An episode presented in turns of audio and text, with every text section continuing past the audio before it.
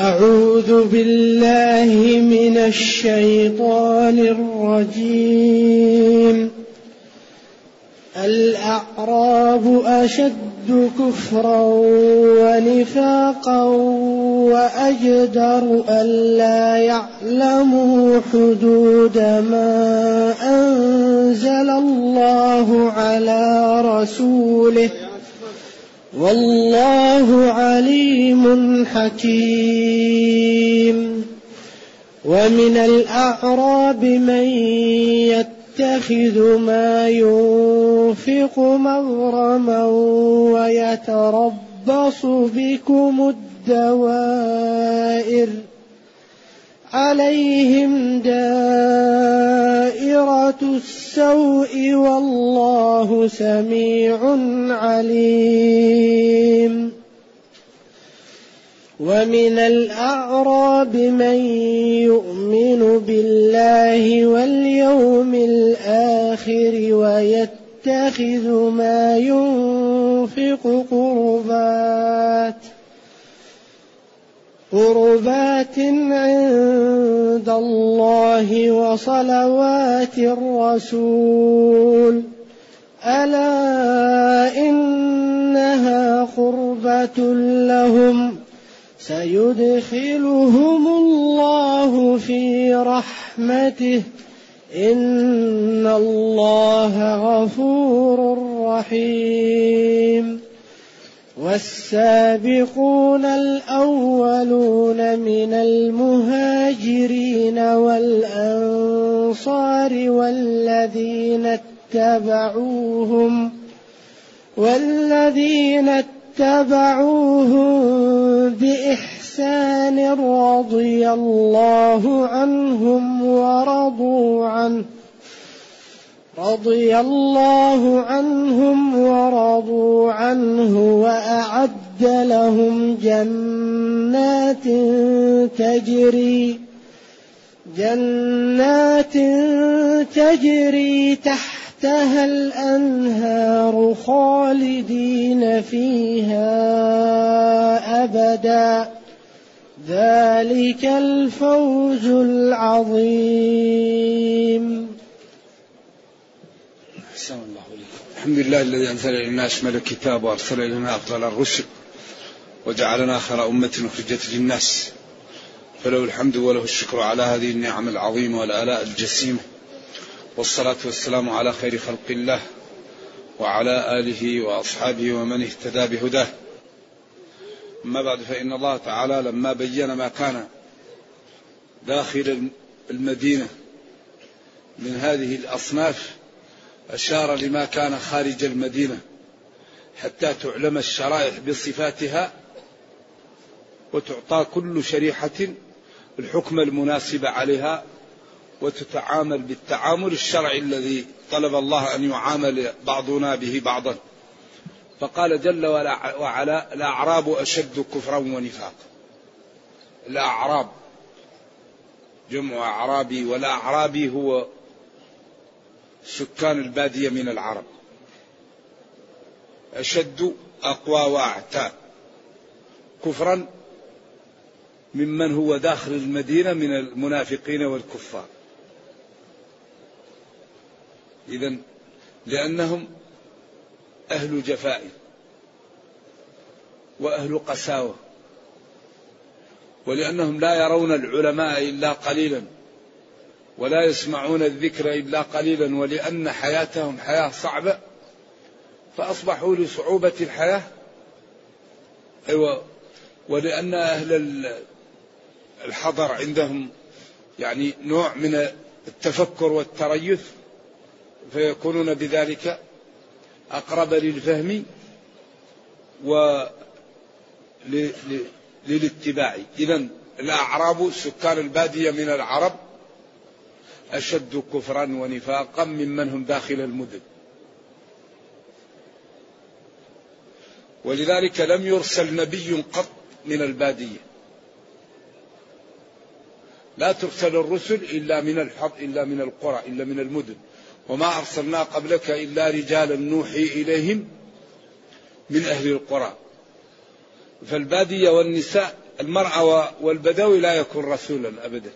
وإنما يرسل من أهل الحاضرة. وقال نبي الله الكريم ورسوله وقد أحسن بي يوسف إذ أخرجني من السجن وجاء بكم من البدو. وإن كان البدو هنا يعني من البادي البعيد لكن قد يدخل في هذا. ونهى عن أن يصلي البادي بالحاضر. وكثير من العلماء يقال لا تقبل شهادتهم على أهل الحضر. ولكن هنا بين أن الشرائح منافقون وكفار وبعدين ما ترك لأن الإسلام لا يظلم. الذين من أهل البادية عندهم طيب ذكرهم ومدحهم. فلذلك قالوا إن تعلم البدوي وعرف الأحكام الإجماع حاصل على أنه يصلى به. يعني حتى ذكر ابن المنذر أنه إذا تعلم البدوي الحكم لا مانع من أن يصلى به. لكن هذا الكلام إذا كان البدوي غير متعلم وإذا كان البدوي عدلا تقبل شهادته كما سيأتي قريبا. إلا أن ال ال هم عرضة لعدم صلاة الجمعة ولعدم الطهارة ولعدم ذكر يعني الأحكام ولأنهم مشغولون بالتنقل وبمتابعة إيش؟ الأنعام يسيرون معها حيث سارت فنفوسهم مشغولة والقلب واحد وحيث يشغلوا نعم. يقول جل وعلا الأعراب سكان البادية من العرب أشد صيغة تفضيل كفرا ونفاقا من الحاضرة من الكفار والمنافقين. اشتركوا لكن أهل البادية أعتى في ذلك. لذلك كانت قريش تأخذ أبنائها وترسلهم لماذا؟ للبادية ليتعلموا الشجاعة يتعلموا القوة. يتعلموا التحمل فيطلع الواحد يعني عنده رجولة. أما الذي دائما في الحضر وفي الظل يعني إذا رأى أي شيء ينهزم ما يقدر يتحمل. وأجدر وأحرى وأحق بأن لا يعلموا حدود ما أنزل الله على رسوله. بأن لا يعلموا أحكام شرع الله وحدوده. لأن الحدود هي المعالم التي شرعها الله للتفريق بين الحلال والحرام. ولذلك دائما تأتي حدود الله في الأمور التي تخفى يعني في أمور البيوت. قال تختانون أنفسكم فتاب عليكم وعفى عنكم فالآن باشروهن وابتغوا ما كتب الله لكم وكلوا واشربوا حتى يتبين لكم الخيط الأبيض من الخيط الأسود من الفجر. ثم أتموا الصيام إلى الليل ولا تباشروهن وأنتم عاكفون في المساجد. تلك حدود الله. ما ذكرته هو معالم الحدود فلا تعتدوا. هذا لهذا واعلموا أن هذا معلما. كما قال الحلال بين والحرام بين. البين هو المعلم. فالحدود هذه المتشابهة حدود ابتعدوا عنها. وقال الطلاق مرتان. فإمساك بمعروف أو تسريح بإحسان ولا يحل لكم أن تأخذوا مما آتيتموهن شيئا إلا أن يخافا أن لا يقيما حدود الله. فإن خفتم أن لا يقيما حدود الله فلا جناح عليهما فيما افتدت به تلك حدود الله. ودائما تأتي تلك حدود الله في قضايا البيت لأن الظلم فيه كثير وقد لا يفطن وقد لا يتنبه له فقال تلك المعالم التي ذكرنا لكم هي حدود الله فلا تعتدوها فلا تقربوها. وقال في النساء يوصيكم الله في أولادكم. وبين بين مثنى وثلاث ورباع في النهاية قال وصية من الله والله عليم حكيم. والله عليم حليم. تلك حدود الله. كل ما ذكر. فإن خفتم أن لا تعدلوا فواحدة وكذا. وبعدين الوصايا. بعدين قال كل ما ذكرت معالم حدود الله. هنا قال وأحق أن لا يعلموا حدود ما أنزل الله على رسوله. الحدود المعالم. والمعالم هي ما الفرق بين ما أوجب وما أحل وما حرم وما أباح. فلا تتمايز فلا تختلط علينا المعالم فنميز بين كل معلم ومعلم ونعمل كل شيء على الطريقة المرسومة لنا حتى ننجو من سخط الله ويرضى عنا ربنا ويدخلنا الجنة.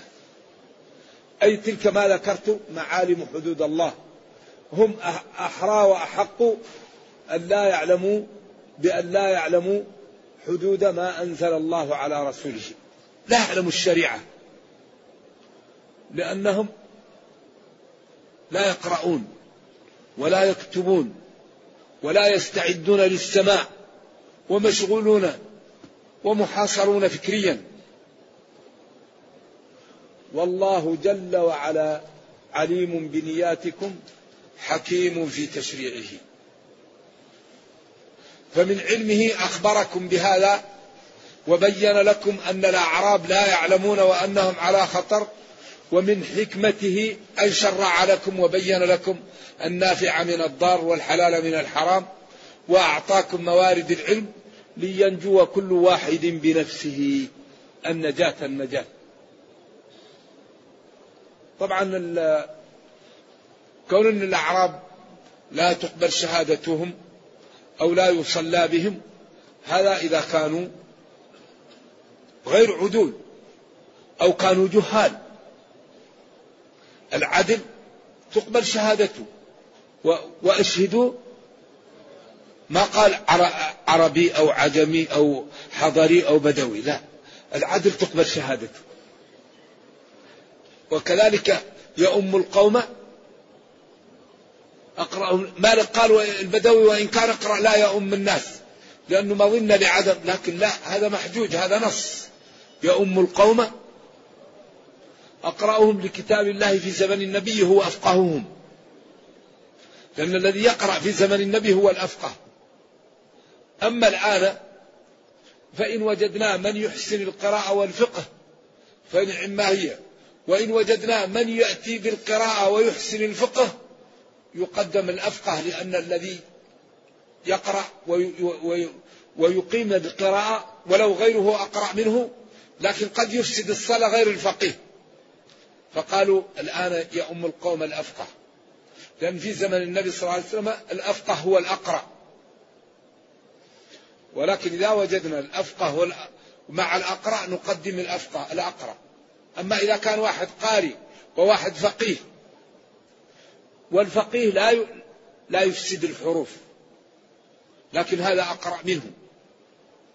نقدم الفقيه هذا قال الفقهاء. ومنهم من قال لا. نقدم الأقرأ لأن النبي صلى الله عليه وسلم قال يا أم القوم أقرأهم لكتاب الله.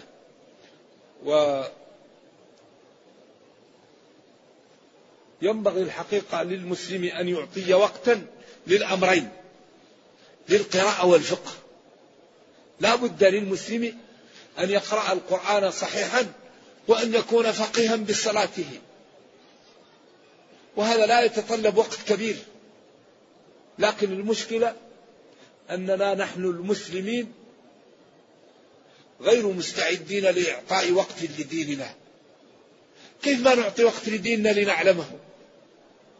هذه هذا التجويد فرض عين لمن يريد أن يقرأ. يعني تجويد الفاتحة فرض عين. لأن الفاتحة فرض عين في الصلاة فرض. أما بقية القرآن فتجويده فرض كفاية. لكن إذا أراد المسلم أن يقرأ القرآن يجب عليه أن يجوده. والأخذ بالتجويد حتم لازم. من لم يجود القرآن؟ آثم. من قال هذا؟ هذا إمام الفن هذا ابن الجزري. وكل فن يؤخذ من أهله. مالك قال اسألوا أهل الذكر إن كنتم لما سألوه عن قضية تتعلق ب ب بالتكليم قال لهم اسألوا الكلابين. قال ولم؟ لأنهم قال هم أهل الذكر. هم اللي يعرفون والله يقول اسألوا أهل الذكر. سألوا أهل الذكر هم أهل الاختصاص. الذي يريد حكم شرعي يسأل العلماء. الذي يريد يعني حكم طبي يسأل الأطباء. الذي يريد يعني في البناء يسأل أهل الهندسة. الذي يريد في الحساب يسأل الرياضيين. إذا اسألوا أهل الذكر إن كنتم لا تعلمون. هذا دلالة على التخصص. أن كل واحد يسأل عن علمه الذي يعرف. إذا هؤلاء الأعراب بعيدون عن إيش؟ عن فهم الأحكام وعن فهم الوحي وعن هذه الأمور إذا هم أبعدوا من غيرهم من الدين فمن كان منهم منافق نفاقه أشد ممن في الحضر ومن كان منهم كافر كفره كفره أشد ممن في الحضر ومن كان منهم مسلما فعلمه أقل من علم من هو في الحضر نتيجة لبيئتهم ولواقعهم لكن من صلح صلح. كما سيأتي. لذلك من الكبائر أن يكون الإنسان كان في الحضر فيذهب إلى البادية ويسكن فيها بحيث يترك الجمعة ويترك التعليم. أما إذا كان الإنسان يريد أن يكون في الأطراف لينام قليل العين ويكون يقوم بالأعمال. هذا لا يعتبر من البادية لأن الأطراف منازل الأشراف طيبة ومريحة. لكن الذي يشخص ويبعد عن البلد مئة كيلو مئتي كيلو ويكون مع الأنعام وتفوته الجمعة والجماعة والأعياد والصلوات وتعلم مع الناس ومجالس الذكر فهذا مظنة لأن يقسو قلبه ويبتعد عن الخير. نعم. والله جل وعلا عليم بنياتكم حكيم في تشريعه ثم قال ومن الأعراب ومن سكان البادية من العرب من يتخذ من يجعل ما ينفق مغرما. يعني كأنها أتاوى أو صعوبة عليه. ويتربص بكم الدوائر. إذا شريحة من الأعراب نافقت ومنهم من يجعل الزكاة التي يعطيها أنها غرم عليه. زي واحد تجعل عليه غريمة زي الضريبة. ضريبة كأنها ومكس وفريضة عليه لا, لا, لا حق لها وأنها ظلم. ثم إنه لكراهيته للدين ولألمه مما يؤخذ منه في الزكاة ينتظر بالمسلمين أن تحل بهم كارثة إما يأتيهم عدو ويوبقهم أو يأتيهم زلزال أو شيء. ويتربص بكم ينتظر بكم الدوائر جمع دائرة وهو عياذا بالله أن يحول النعم والعزة التي على المسلمين نقم وكوارث. عليهم دائرة السوء أو السوء. عليهم هؤلاء الذين يريدون هذا بالمسلمين هم الذين سيحل بهم هذا وهذا دعاء عليهم أو إخبار بواقعهم.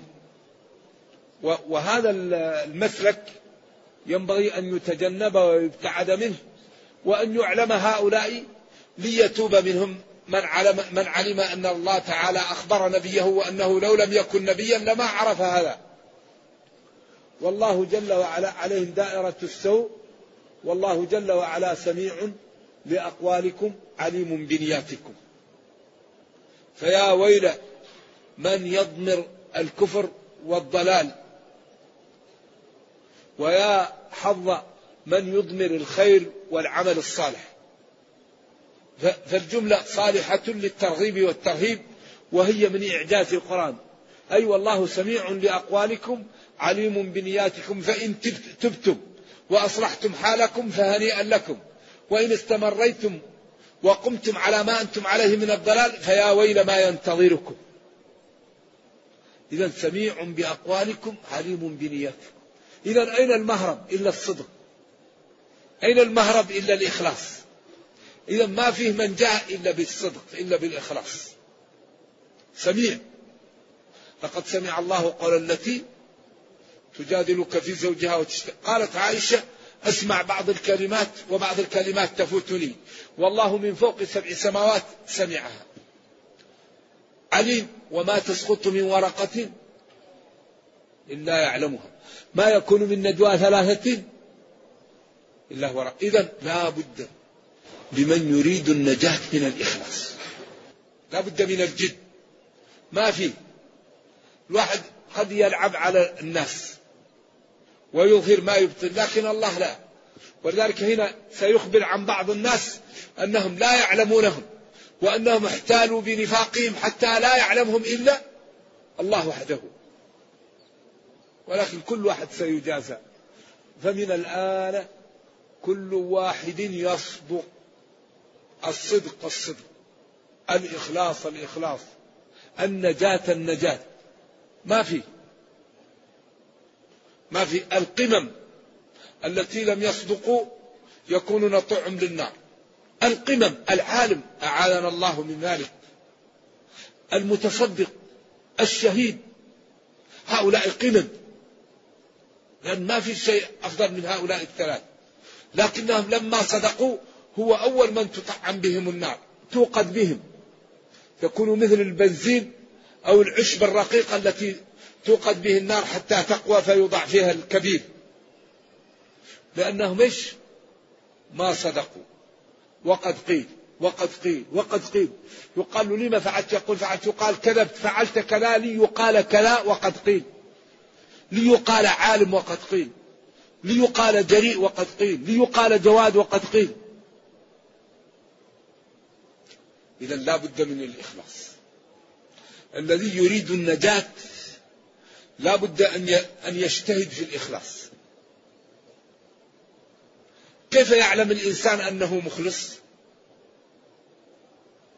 يعلم ذلك بأنه إذا غاب عن الناس يفرح ليعمل الطاعات لا يرى.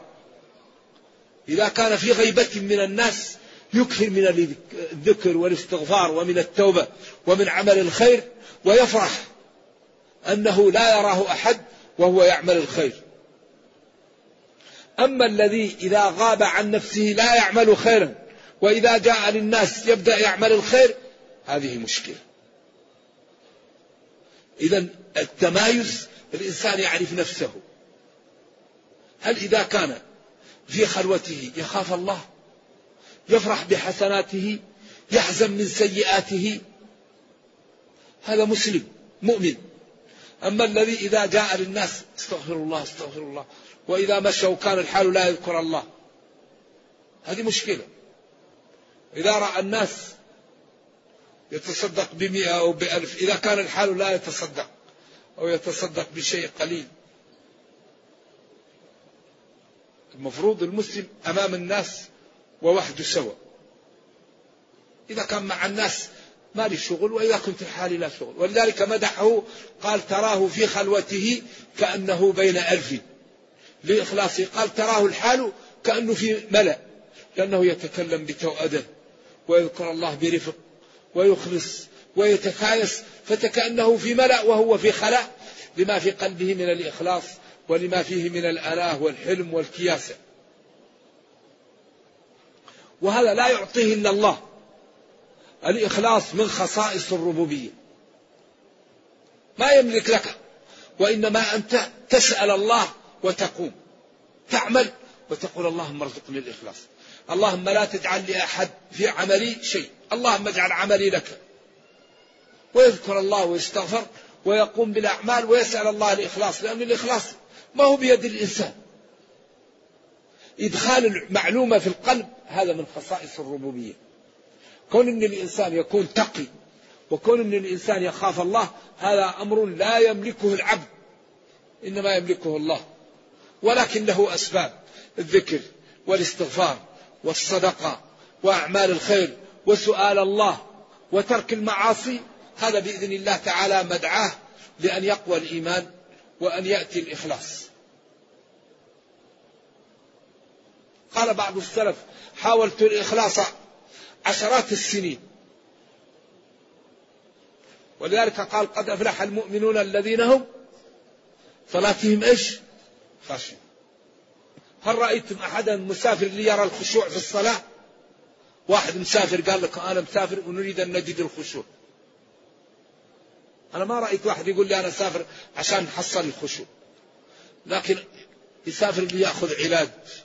ليأتي بصفقة ليأخذ شهادة ليزر والزيارة طيبة قريب أو رحيم لكن يسافر ليجد الخشوع.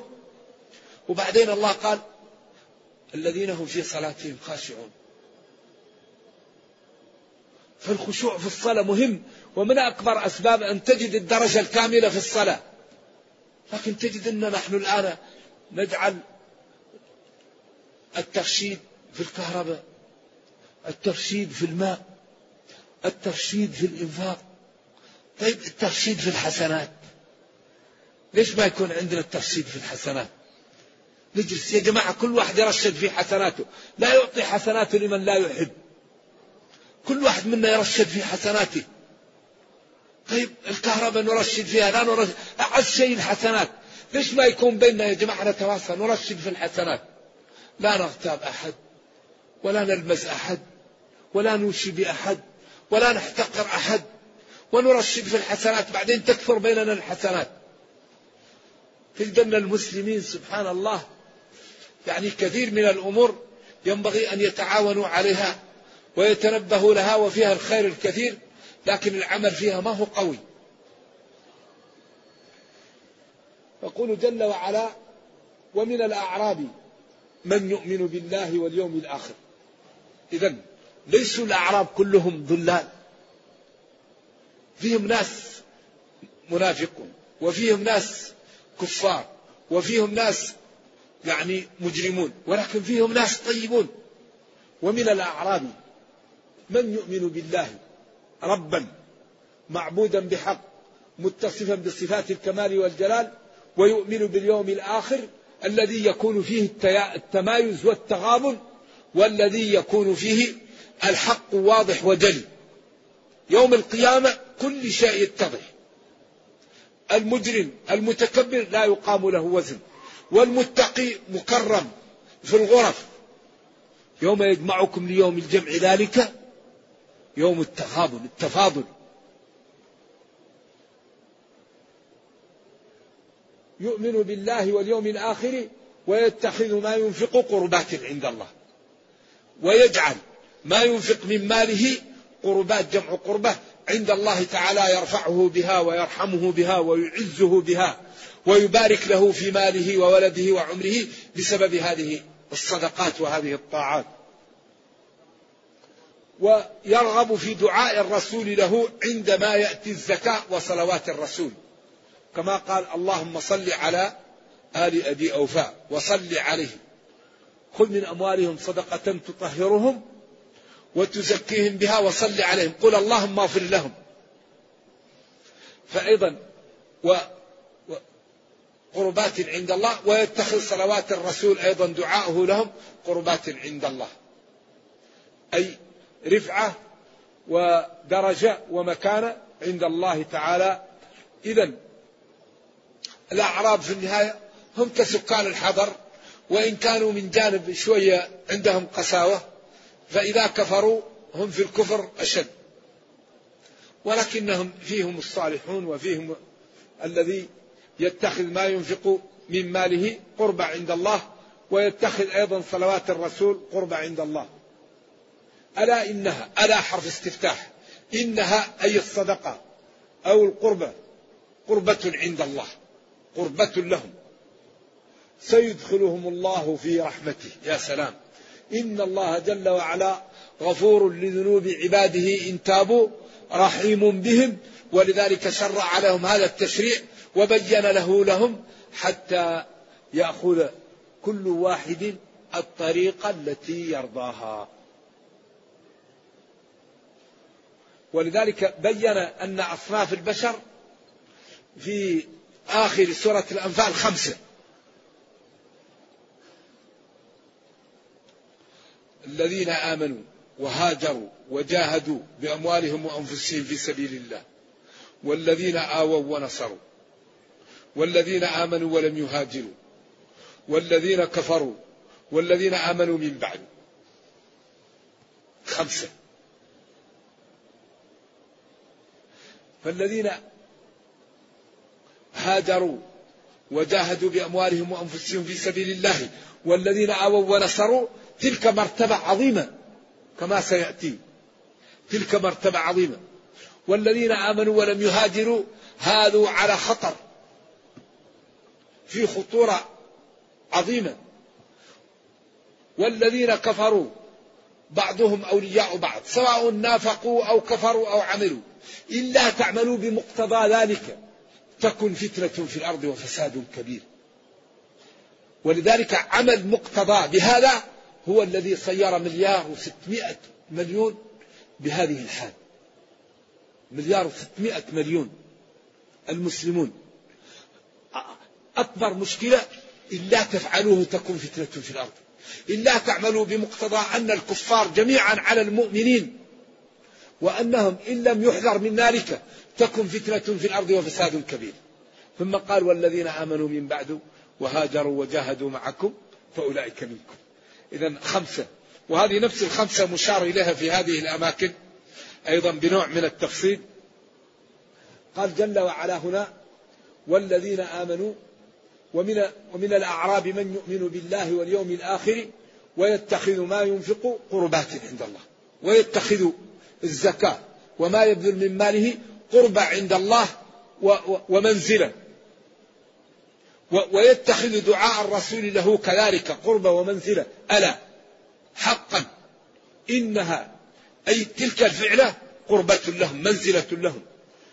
وبسببها سيدخلهم الله في رحمته. يجعلهم من المرحومين. إن الله جل وعلا غفور لذنوب عباده رحيم بهم. ثم عاد ل... ل... ل... لهذه الشريحة العجيبة وهي الشريحة السابقون الأولون. السابقون الأولون من المهاجرين والأنصار. ولكن لم يترك الآخر والذين اتبعهم بإحسان. ولكن السابقون الأولون. لا يستوي منكم من أنفق من قبل الفتح وقاتل. أولئك أعظم درجة. قال هم هل بيعة العقبة الأولى؟ أو هم بيعة الرضوان؟ أو هم من هاجر الهجرتين؟ أقوال. المهم هم السابقون الأولون والمهاجرون والذين اتبعوهم بإحسان أو السابقون من المهاجرين والأنصار هؤلاء الذين بذلوا وسبقوا في الخير لا يوصل إليهم. نعم. ولكن الله تعالى كريم ومن اتبعهم فهو من جملتهم. والله تعالى يمن على من يشاء والباب مفتوح. وفي كل المسلمين خير. فالواحد يجتهد. ما دام عقله عنده وهو حي ويكتب عليه يجتهد ويصل. ف فلذلك المهاجرون والأنصار لهم منزلة عجيبة. لأن هؤلاء تركوا أوطانهم. وهؤلاء ناصروهم وبذلوا لهم دورهم وأموالهم وأعزوا الدين. كل العرب تقول لا لهم وماتوا ضد الإسلام لأجل الإسلام. فقدوا أولادهم ورمتهم العرب عن وتر قوس. لذلك قال لا يحبهم إلا مؤمن ولا يكرههم إلا منافق. الأنصار يقلون عند الطمع ويكثرون عند الفزع. هم كرشتي وعيبتي. لكن اصبروا على أثره قال لهم. ستلقوني على الحوض. ولما قالوا قال لهم أريد أن نعطي نصف ثمار المدينة لغطفان. قالوا وحي أو نصح لنا؟ قالوا لا نصح لكم. قال نحن كفار لا يأخذوا من المدينة إلا بقرن أو بثمن. بعدها أن أعزنا الله بالإسلام نعطيهم أموالنا بيننا وبينهم السيوف الميدان. فقرت عينه صلى الله عليه وسلم بذلك. فيقول والسابقون السابقون الأولون السابقون بالطاعة بالمسابقة في الإيمان ببذل النفس ببذل المال بالخوف بالخطورة التي لاقتهم. لقد رأيتنا وما يستطيع واحد منا يخرج لقضاء حاجته. الآن ما في واحد إلا وهو مسؤول عن إيش؟ عن أقليم. ولما جاء عمر لأبي عبيدة وهو على القدس قال له أمشي عني لا تجلس عندي. فعمر لما مشى الناس وجلس مع أبي عبيدة وجاء الغداء قال له يا أبا عبيدة جيب الغداء فجاب جراب عنده في عيش ناشف. فجلس عمر يبكي. قال كلنا غيرتنا الدنيا إلا أبا عبيدة. قال له قلت لك روح عني لا تدمع عندي يا أخي شوف ناس نزل عندهم. الأمر أقل من هذا. نعم. فكانوا غاية في العلم وفي الفضل وفي الإيثار وفي الشجاعة وفي خوف الله وفي محبة الإسلام. فنشروا الإسلام في مدة وجيزة. أقل من ثلاثين عاما. وصل الإسلام إلى إلى الصين وإلى الأندلس وإلى شبه جزيرة البلقان وإلى وراء إثيوبيا في مدة وجيزة. ولما استنجد ملك الفرس بملك الصين قال له أعطيني صفات هؤلاء القوم. قال هؤلاء يريدون أكبر أمنية عندهم الموت. أكبر شيء يتمناه الواحد منهم أن يموت. وفي الليل رهبان وفي النهار فرسان وإذا فتحوا بلدا قسموا الأموال بين الفقراء ولا تفرق بين الرئيس والمرؤوس. فقال ملك الصين لملك الفرس أعطيهم ما سألوك هؤلاء لا طاقة لأحد من أهل الأرض بها أعطهم ما سألوك هؤلاء لا طاقة لأحد من أهل الأرض بهم. نعم. الواحد يقول لولده والله يا ولدي أثرك بكل شيء إلا الشهادة. لا أبقى مع أخواتك ويمشي وينال الشهادة. فنسروا الدين وبذلوه ومع الأسف أنك تجد شرائح من المسلمين يسبون الصحابة. هذا شقاء وضلال لا يتصور أفضل البشر. يقيض الله لهم شريحة من ممن يتسموا باسم المسلمين يسبونهم ويشتمونهم في المواقع وفي الأمر غريب. اتفقت الأمة أن أفضل البشر بعد النبي صلى الله عليه وسلم أبو بكر ثم أفضل البشر بعد أبي بكر عمر. هذا إجماع من المسلمين. وهم يسبون الشيخين. كيف يسب الشيخين؟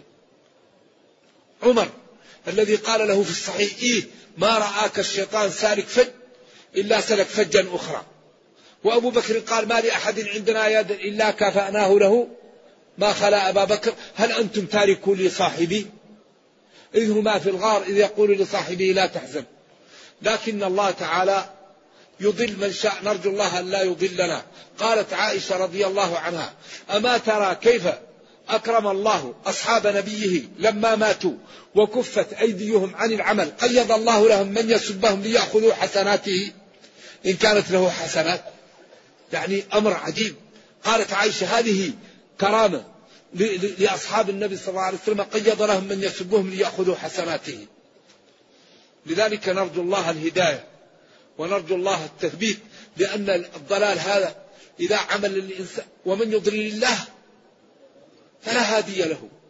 وإلا كيف يسب أبا بكر وعمر.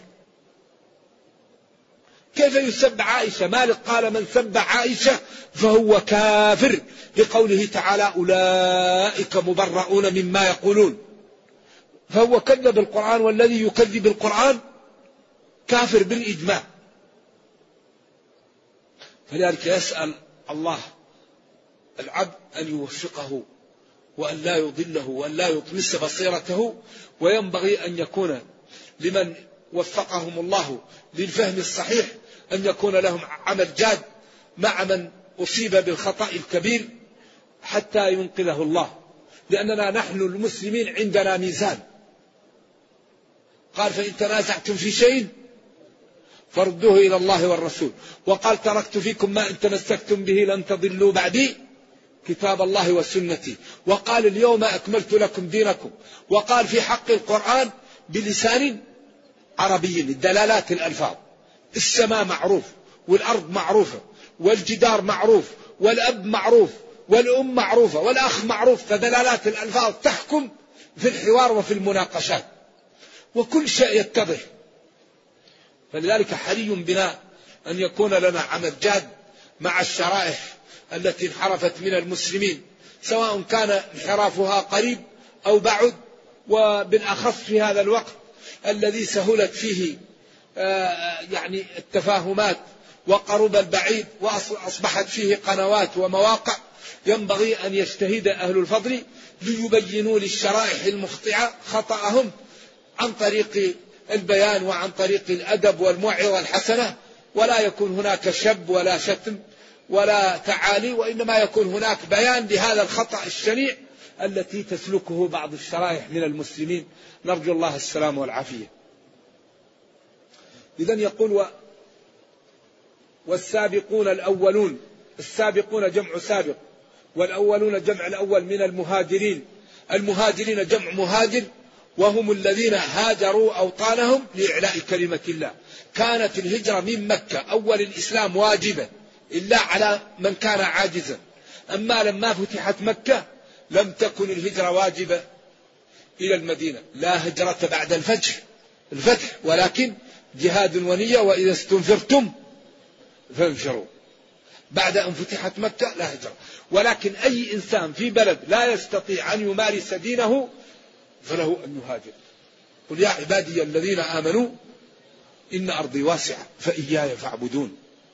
المسلم لا بد أن يعبد الله ويقيم شرع الله على نفسه ويبين شرع الله فإذا لم يستطع أن يعمل ذلك في بلد يرحل وفي الأرض ملأ للكريم عن الأذى وفيها لمن خاف القلاع متحولون. إن أرضي واسعة فإياي فاعبدون. إذا المسلم همه أن يعبد الله وتكون عبادته صحيحة. ويقيم دين الله على نفسه وعلى من يستطيع فإن كان في بلد لا يستطيع يرحل لبلد آخر أو بلد آخر حتى يقيم دينه. ويقيم شرع الله على نفسه ومن, والله ومن ولاه الله عليهم. والأنصار جمع أنصاري وهم الذين ناصروا الدعوة والمقصود بهم الأوس والخزرج في المدينة. والذين اتبعوهم بإحسان من المسلمين وساروا على نهجهم. هؤلاء رضي الله عنهم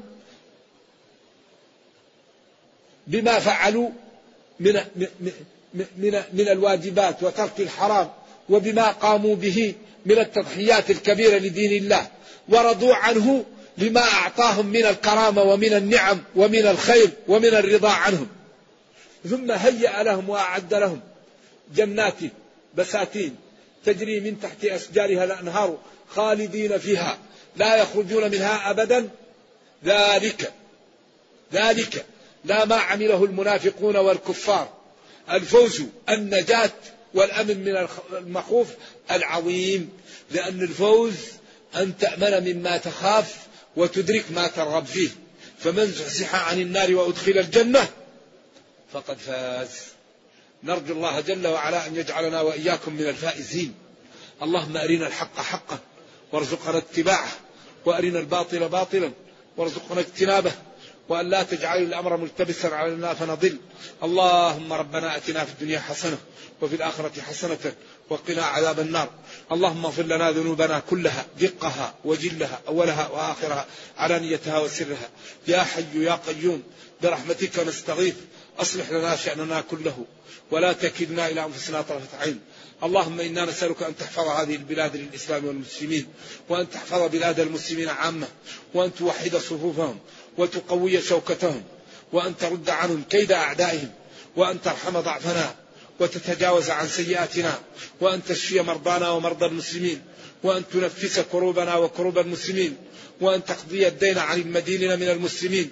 اللهم يا حي يا قيوم نسألك الجنة ونعوذ بك من النار. سبحان ربك رب العزة عما يصفون وسلام على المرسلين والحمد لله رب العالمين. والسلام عليكم ورحمة الله وبركاته.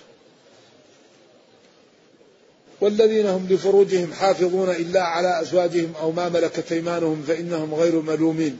ما المقصود ما ملكت أيمانهم؟ المقصود بما ملكت أيمانهم العبيد. لأن الرق عجز حكمي يقوم بالإنسان سببه الرق. وفي الإسلام لا يكون رق إلا بالجهاد.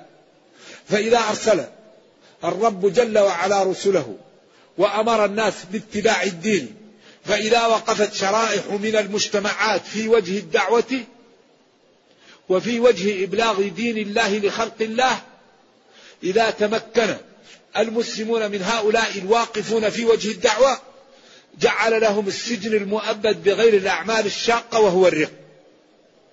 إذا رق سجن مؤبد بغير الأعمال الشاقة وأمر أن لا تكلفوهم ما لا تطيقون فإن كلفتموهم فأعينوهم وجعل من عتق رقبة عتقه الله من النار وهذا حكم من الله تعالى والله لا يسأل عما يفعل وما كان لمؤمن ولا مؤمنة إذا قضى الله ورسوله أمرا أن يكون هذا حكم من الله. نعم.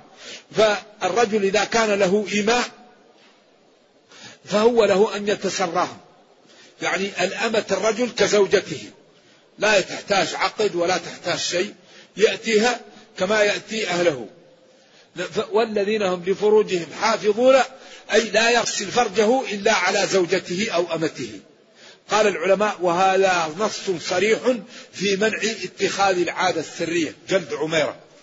وإن قال بعض العلماء أنها تجوز فالخلاف غير ذلك لأن هنا قال لفروجهم حافظون إلا على أزواجهم أو ما ملكت إيمانهم. لم يقل ليدوا فلا يجوز. ما حكم أن يصلي الرجل وهو يعني في فنيلة؟ ينبغي الإنسان إذا أراد أن يصلي يلبس ثوب. والأولى أجمل ثيابه ولو في بيته. خذوا زينتكم. مسجد مكان الصلاة. المتقي إذا أراد أن يصلي يلبس ثياب طيبة.